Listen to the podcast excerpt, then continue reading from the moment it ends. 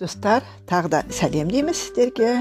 Алдыңғы эпизодта біз платонның сократтың ақталу сөзін оқып отырғанбыз. Бірақ анхордың техникалық шектеуіне байланысты уақыт тығыздығына байланысты ә, аяқталып қалды. Және осы эпизодта біз ә, сократтың сөзін оқуды жалғастырамыз. Сонымен мына жерге келіп едік. Меніңше ондай адамдар қаламыздың атына кір келтіреді. Әлде бір жат жұрттықтар афиналықтардың ең құрметті деп жоғары лауазымды орындарға сайлап жүрген адамдарының әйелдерден ешбір артықшылығы жоқ екен деп ойлап қалуы мүмкін. Афиналықтар. Сіздердің басқа жұрттың алдында қадірменді деген атақтарыңыз бар. Қиын қыстау шақта абыроймен төге салатын адамдарды емес ажалдың аузында да ұстамдылық көрсететіндерді қолдағандарыңыз жөн. Әйтпесе әйтпесе қаламыз күлкілі жағдайларға душар бола береді. Тіпті абыройды айтпай ақ афиналықтар сотқа жалынып өзін құтқару деген меніңше істің мазмұнына теріс көрініс беретін жалған қылық. Сот деген қалауына орай біреуді есіркеп екінші біреуге қаталдық жасау үшін емес тек заңды негізде әр істің ақиқатын анықтау үшін қойылған ғой. Сондықтан біз де сіздерді берген анттарыңызды бұзуға шақыруға сіздер де заңнан ауытқуға үйренбегеніміз жөн. Ал енді мені милет абыройсыз деп айып тағып отырған шақта соны істесем ол сіздерді құдайлар жоқ деп иландырумен бірдей. Әрі өзімді істің мәнін түсіндіріп ақтаудың орнына құдайды мойындамаймын деп айыптаумен бірдей емес пе? Ал мен құдайды мені айыптаушылардың қайсынан болса да артық мойындаймын. Һәм сіздер мен құдайға өз ісімді ақ жолмен шешуді тапсырамын. Мен үшін де сіздер үшін де ең дұрысы сол. Сократты айыпты деп шешім қабылдағаннан кейін болған іске мені айыптағандарыңызға ыза болып ашулануға маған көп нәрсе жол бермейді. Ол мен үшін күтпеген жайды емес еді. Одан да гөрі мені қарама қарсы дауыстардың сан жағынан айырмасының аздығы таңдандырады. Маған қарсылардың сан жағынан артықтығы азғантаяқ екен. Отыз тас бұл жағына емес ана жағына түскен болса мен ақталған болар едім. Мелеттен мен қазірдің өзінде құтылдым. Егер анит пен ликон мені айыптап сөйлемесе мелеттің дауыстардың бесінші бөлігін ала алмай мың драхма төлеуге мәжбүр болатындығы әркімге аян ғой. Бұл кісі мені өлім жазасына кесуді талап етеді. Мейлі ал мен өзіме нендей үкім шығарар едім? Маған не нәрсе лайық? Өмір бойы тыныштық таппай басқалар сияқты өзіне пайдалы істермен әскери лауазымдармен басқару істерімен халық мәжілісіндегі сөздермен саяси бүліктер және көтерілістермен айналыспай өйткені бүкпесіз шындықты айтатын мен онда әлде қашан мерт болған болар едім. Бәріңе ең үлкен пайда келтірдім. Өйткені әркімді жүзбе жүз ақиқатқа көзін жеткізу дұрыс жолға бағыштау меніңше солай деп ойлаймын. Мен әр қайсыңа жағдайыңды жақсартудан бұрын өзіңді жақсарт қаланың істерін жақсартудан бұрын қаланың өзін жақсарт деумен болдым. Өйткені өзінің өйткені өзің жақсармай тұрып ісің жақсармайды. Осындай адамға сонымен не лайық? Әрине бір тәуір нәрсе ол қалаға еңбегі сіңген.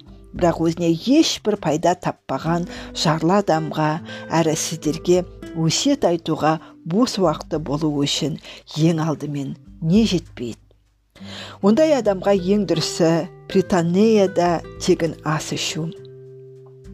Олимпиялық ойындарда жеңіске жеткендерден ат шабыстарда ат жеккен жеңіл арбалармен жарысқандарды озғандардан гөрі ол маған дұрыс. Олардың сіздерге келтіретіні жалған бақыт ал менікі шын бақыт. Олардың оларды асыраудың қажеті жоқ ал мен асырауға мұқтажбын. Нағыз әділетімен шешсек меніңше ең дұрыс үкім осы. Маған британияда қонағасы беріп тұру. Бәлкім бұл сөзімде сіздерге астамшылық болып көрінер. Бірақ олай емес афиналықтар. Мен былай ойлаймын ешбір адамды әдейі жәбірлемейтін бірақ оған сіздерді иландыра алмай тұрмын. Себебі біз тым аз сұхбаттастық. Басқалардағыдай сіздерді де өлім жазасына кесуге бір күн емес бірнеше күн берілетін болса дұрыс болар еді. Аз уақытта жабылған ауыр айыптардан өзіңді аршып алу оңай емес.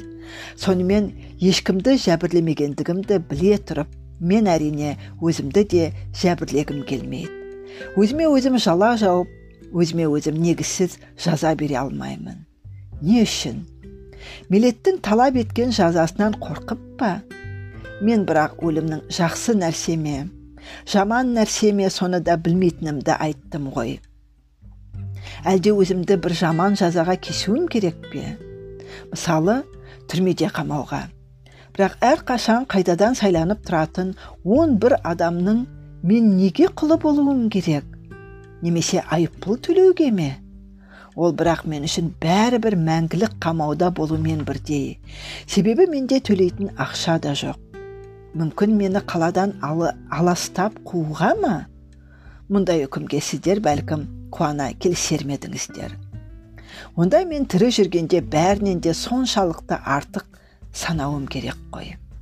Егер менің сөздеріме сұхбаттарыма сіздер соншалықты төзбейтін болсаңыздар менің елдестерім оны басқа жұртшылықтың адамдары қалай төзеді? Олар да мені қуар еді. Сөйтіп осы жасымда үнемі кезбелік тіршілікте жүрер едім. Басқа жұрттың жастары да мені соншалықты әуестікпен тыңдар еді деп ойлаймын. Ал егер мен оларды әңгімемді тыңдатпай қуар болсам олар өздері әкелеріне айтып мені қуып жіберер еді. Біреу мүмкін былай дер. Сократ бізден кеткен соң үндемей жүріп ақ жай бірақат өмір сүруге болмай ма? Біразыңызға тап осыны ұқтыру бәрінен де қиын болып тұрған жоқ па? Үндемей жүру мен үшін құдайдың әміріне қарсы болу екенін. Ал онда жай бірақат жүре алмайтынымды айтсам оған сіздер нанбайсыздар күнбе күн адамдармен жақсылықтың не екені басқа да қасиеттер жөнінде сұхбаттасып өзіңді де басқаларды да сол өлшеммен айқындап жүргеннен артық не бар? Онсыз өмір деген өмір ме десем көбіңіз одан да бетер сенбейсіз. Сонда да болса шындық тап осы. Ақшам болса айыппұл да төлей салар едім. Онда менің түгім де кетпес еді бірақ ол жоқ. Дегенмен мен бір мина күміс төлейтін жағдайым бар. Сонша болсын онда. Бірақ осында отырған платон және критон критобул аполлодор отыз мені айыппұл төлеуді ұсыныңыз дейді. Ақшаны төлеуді өз мойындарына алып отыр. Онда солай ақ болсын. Ал кепілдік беріп отырғандар сенімді адамдар. Өлім жазасына үкім қабылданғаннан кейін. Онсыз да төрінен көрі жақын адамды өлімге қиғандарыңыз үшін афиналықтар енді сіздер туралы жаман лақап тарайды әшейінде біздің қаламыз туралы өсек сөзге үйір адамдар енді сіздерді іштеріңдегі ең дана адамды өлтірдіңдер деп айыптайтын болады мен дана болмасам да олар солай дейтін болады егер сіздер біршама уақыт күте тұрғандарыңызда бәрі де өзінен өзі болатын еді көріп тұрсыздар ғой менің әбден қартайған адам екенімді ажалымның жақын екендігін. Мұны мен бәріңізге емес мені өлімге бұйырғандарға айтып тұрмын. Оларға тағы да бір нәрсе айтпақпын сіздер мені жеткілікті дәлелдер сіздерге жағатын жарамсақтық сөздер таба алмағандықтан өлімге бұйырылдым деп ойлайтын шығарсыздар тіпті олай емес егер менде бірдеме жетіспесе ол ұятсыздық ұятсыздықтың өлермендігі ондайда сіздер көріп үйренгенсіздер мен ондай арсыздықты өзіме лайық деп тапқан емеспін. Өлімнен олай құтылғаннан өзіңді адам атына лайықты ұстай біліп өлгенің артық. Жай өмірде де соғыста да өлімнен ақ жол мен қара жолды ажыратпай құтыла беруге болмайды. Өлімнен құтылудың жолдары көп бірақ оның бәрі бірдей адам затына жарай бермейді. Өлімнен құтылу афиналықтар оңай бірақ арамдықтан құтылу қиын. Өлімнен гөрі адамды арамдық тез қармайды. Мені қартайған әрі енжар адамды өлім қармады. Ал менің айыптаушыларымды әрі күшті әрі шапшаң адамдарды арамдық қармады. Бұл жерден мен өлімге бұйырылып кетіп барам. Ал мені айыптаушылар зұлымдықтары мен әділетсіздігі айқындалып барады. Бұлай болуы тиіс еді және ол бірден бір дұрыс. Ал енді афиналықтар. Мені өлімге байлағандар мен сіздердің келешектеріңізді болжайын. Маған да адамдарда өлім алдында болатын көрегенді қасиет келген сияқты. Ал мені өлтіргендер мен былай деймін. Зевстің атымен ант етем. Мен өлгеннен кейін ақ сендер маған тартқан өлімнен де жаман бір жазаға ұшырайсыңдар. Осы қиянатты істеп алып одан әрі өз өмірлерің хақында қандай болса есеп беруден құтылдым деп ойлайсыңдар ғой. Ал іс жүзінде бәрі керісінше болады. Сіздерді әшкерелеушілер көбейе береді. Мен оларға тосқауыл едім. Әшкерелеушілер неғұрлым жас болған сайын олардың айыптаулары ауырлай түседі. Шынында да адамдарды өлтірумен өздеріңіздің жалған өмірлеріңізді масқаралауды тыйып аламыз деп ойлайсыздар ғой. Олай болмайды адасасыздар. Өзіңді олай қорғау жамандығынан басқа әлсіз де. Ал әрі дұрыс әрі берік жол мынау. Басқалардың аузына қақпақ қоюдың орнына өзің жақсы болуға тырыс. Осыны айтып мен енді сіздермен мені өлімге үкім шығарғандар сөзімді доғарамын. Енді мені ақтау үшін дауыс бергендермен архонттар ісін бітіргенше өлетін жеріме барғанша болған жай хақында шын жүректен әңгімелескім келеді. Осы шақта қазіргі менімен болған жайдың мәнін түсіндіргім келеді. Менің қазларым сіздерді шын мәнінде осылай деуге болады. Менде бір керемет жағдай болды. Бұрын әр жағдайда менің ішкі аян беруші даусым кейбір істеп кейбір сөзден егер ол дұрыс болмаса мені үнемі тоқтатып жүруші еді. Ал бұл жолы көп жұрттың ойынша бәленің ең жаманына душар болар сәтте құдайдың аян берер даусы мені тоқтатпады. Таңертең үйден шыққанда да сот үйіне кірерде де сөз сөйлеп тұрған кезімде де. Оның себебі неде? Мен айтайын. Болған нәрсе мен үшін тек жақсылық болды олай болса өлімді бәленің ең жаманы деушілік дұрыс емес.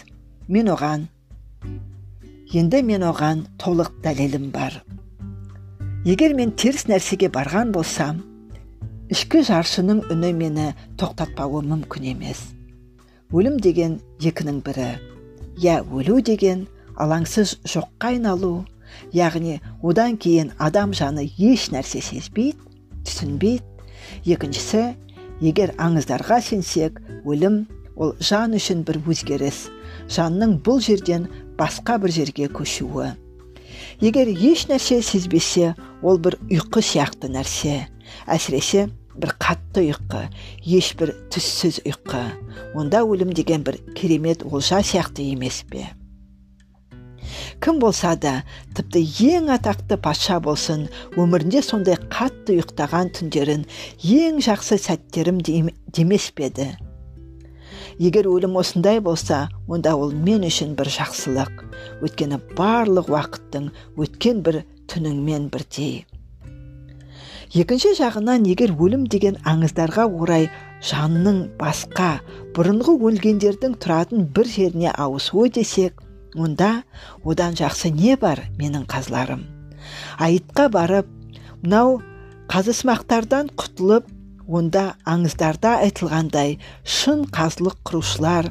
Меносты радамантты эакты трипталемді жолықтыру және тағы басқа тіршілігінде әділеттілігі мен көзге түскен пайғамбарларды жолықтыру нағыз ғанибет емес пе? Альфеймен мусеймен гесиотпен гомермен бірге болу осы адамдармен бірге болу үшін қайсың нендей құрбандықтан бас тартар едің? Басқаны қайдам? Өз басым осының бәрі рас болса сан рет өлуге бармын. Мен үшін мысалы ертеде әділетсіз соттың құрбаны болған паламетпен және теламонның ұлы аякспен кездесу олармен әңгіме дүкен құрып олардың тағдырын менің тағдырыммен салыстыру тамаша болған болар еді. Ең негізгісі осындағы сияқты ол дүниенің тұрғындарын да сынап олардың қайсысы дана ал қайсысы тек дана емес бірақ өзін дана деп ойлайды. Соның бәрін ажыратып әңгіме өткізу қандай қызық. Өзінің әскерлерін трояның түбіне әкелгенде де немесе одиссейді сизифті тағы басқа ерлер мен әйелдерді сынап отыру рахат емес пе? Басқасын қойғанда сол үшін ол жақта жазаламайды ғой. Олардың тағы бір артықшылығы олар аңыз дұрыс айтса мәңгі өлтірмейтіндер ғой. Сендерге де менің қазыларым өлімнің тек жамандықты өлімнен тек жамандықты күтпеу керек. Ең дұрысы мынау. Жақсы адаммен бұл тіршілікте болсын ана дүниеде болсын ешбір жамандық болмайды. Құдайлар тек солардың қамын үнемі ойлауда болады. Менің тағдырым да қазір өзінен өзі шешілген жоқ. Сондықтан менің білуімше маған енді өлген жақсы. Мұндағы барлық азаптардан құтылған жөн. Сол себепті мені ешбір ішкі жаршының үні тоқтатпады мен де өзіме жаза кескендерге олар маған жақсылық тілемесе де ашуланып тұрған жоқпын. Дегенмен менің оларға бір өтінішім бар. Егер афиналықтар менің ұлдарым өскеннен кейін жақсылықтан гөрі ақшаны және тағы басқа нәрселерді көбірек ойлайтын болса сіздер де менің сіздерді сынағанымдай сынап шын бағасын беріп жүріңіздер. Егер олар өзі туралы тым астам ойлайтын болса олардың да шын мәнінде кім екенін есіне түсіріп көздерін жеткізіп жүрсеңіздер екен. Егер осылай істейтін болсаңыздар онда маған да ұлдарыма да жасаған шын қызметтеріңіз болады. Енді бұл жерден кететін де уақыт келді. Маған өлуге ал сіздерге тіршілік етуге. Ал олардың қайсының игілік екендігін құдайдан басқа ешкім де білмейді. Сонымен эпизодымыз аяқталды. Бүгін сіздерге платонның сақта, сократтың ақталу сөзі оқып бердік. Кітапқа жақын болыңыздар кітап оқыңыздар ойларыңызды өсіріңіздер сіздер өзгерсеңіздер әлем де өзгереді. Сау болыңыздар. Келесі кездескенше мың бір кітапта кездесе берейік.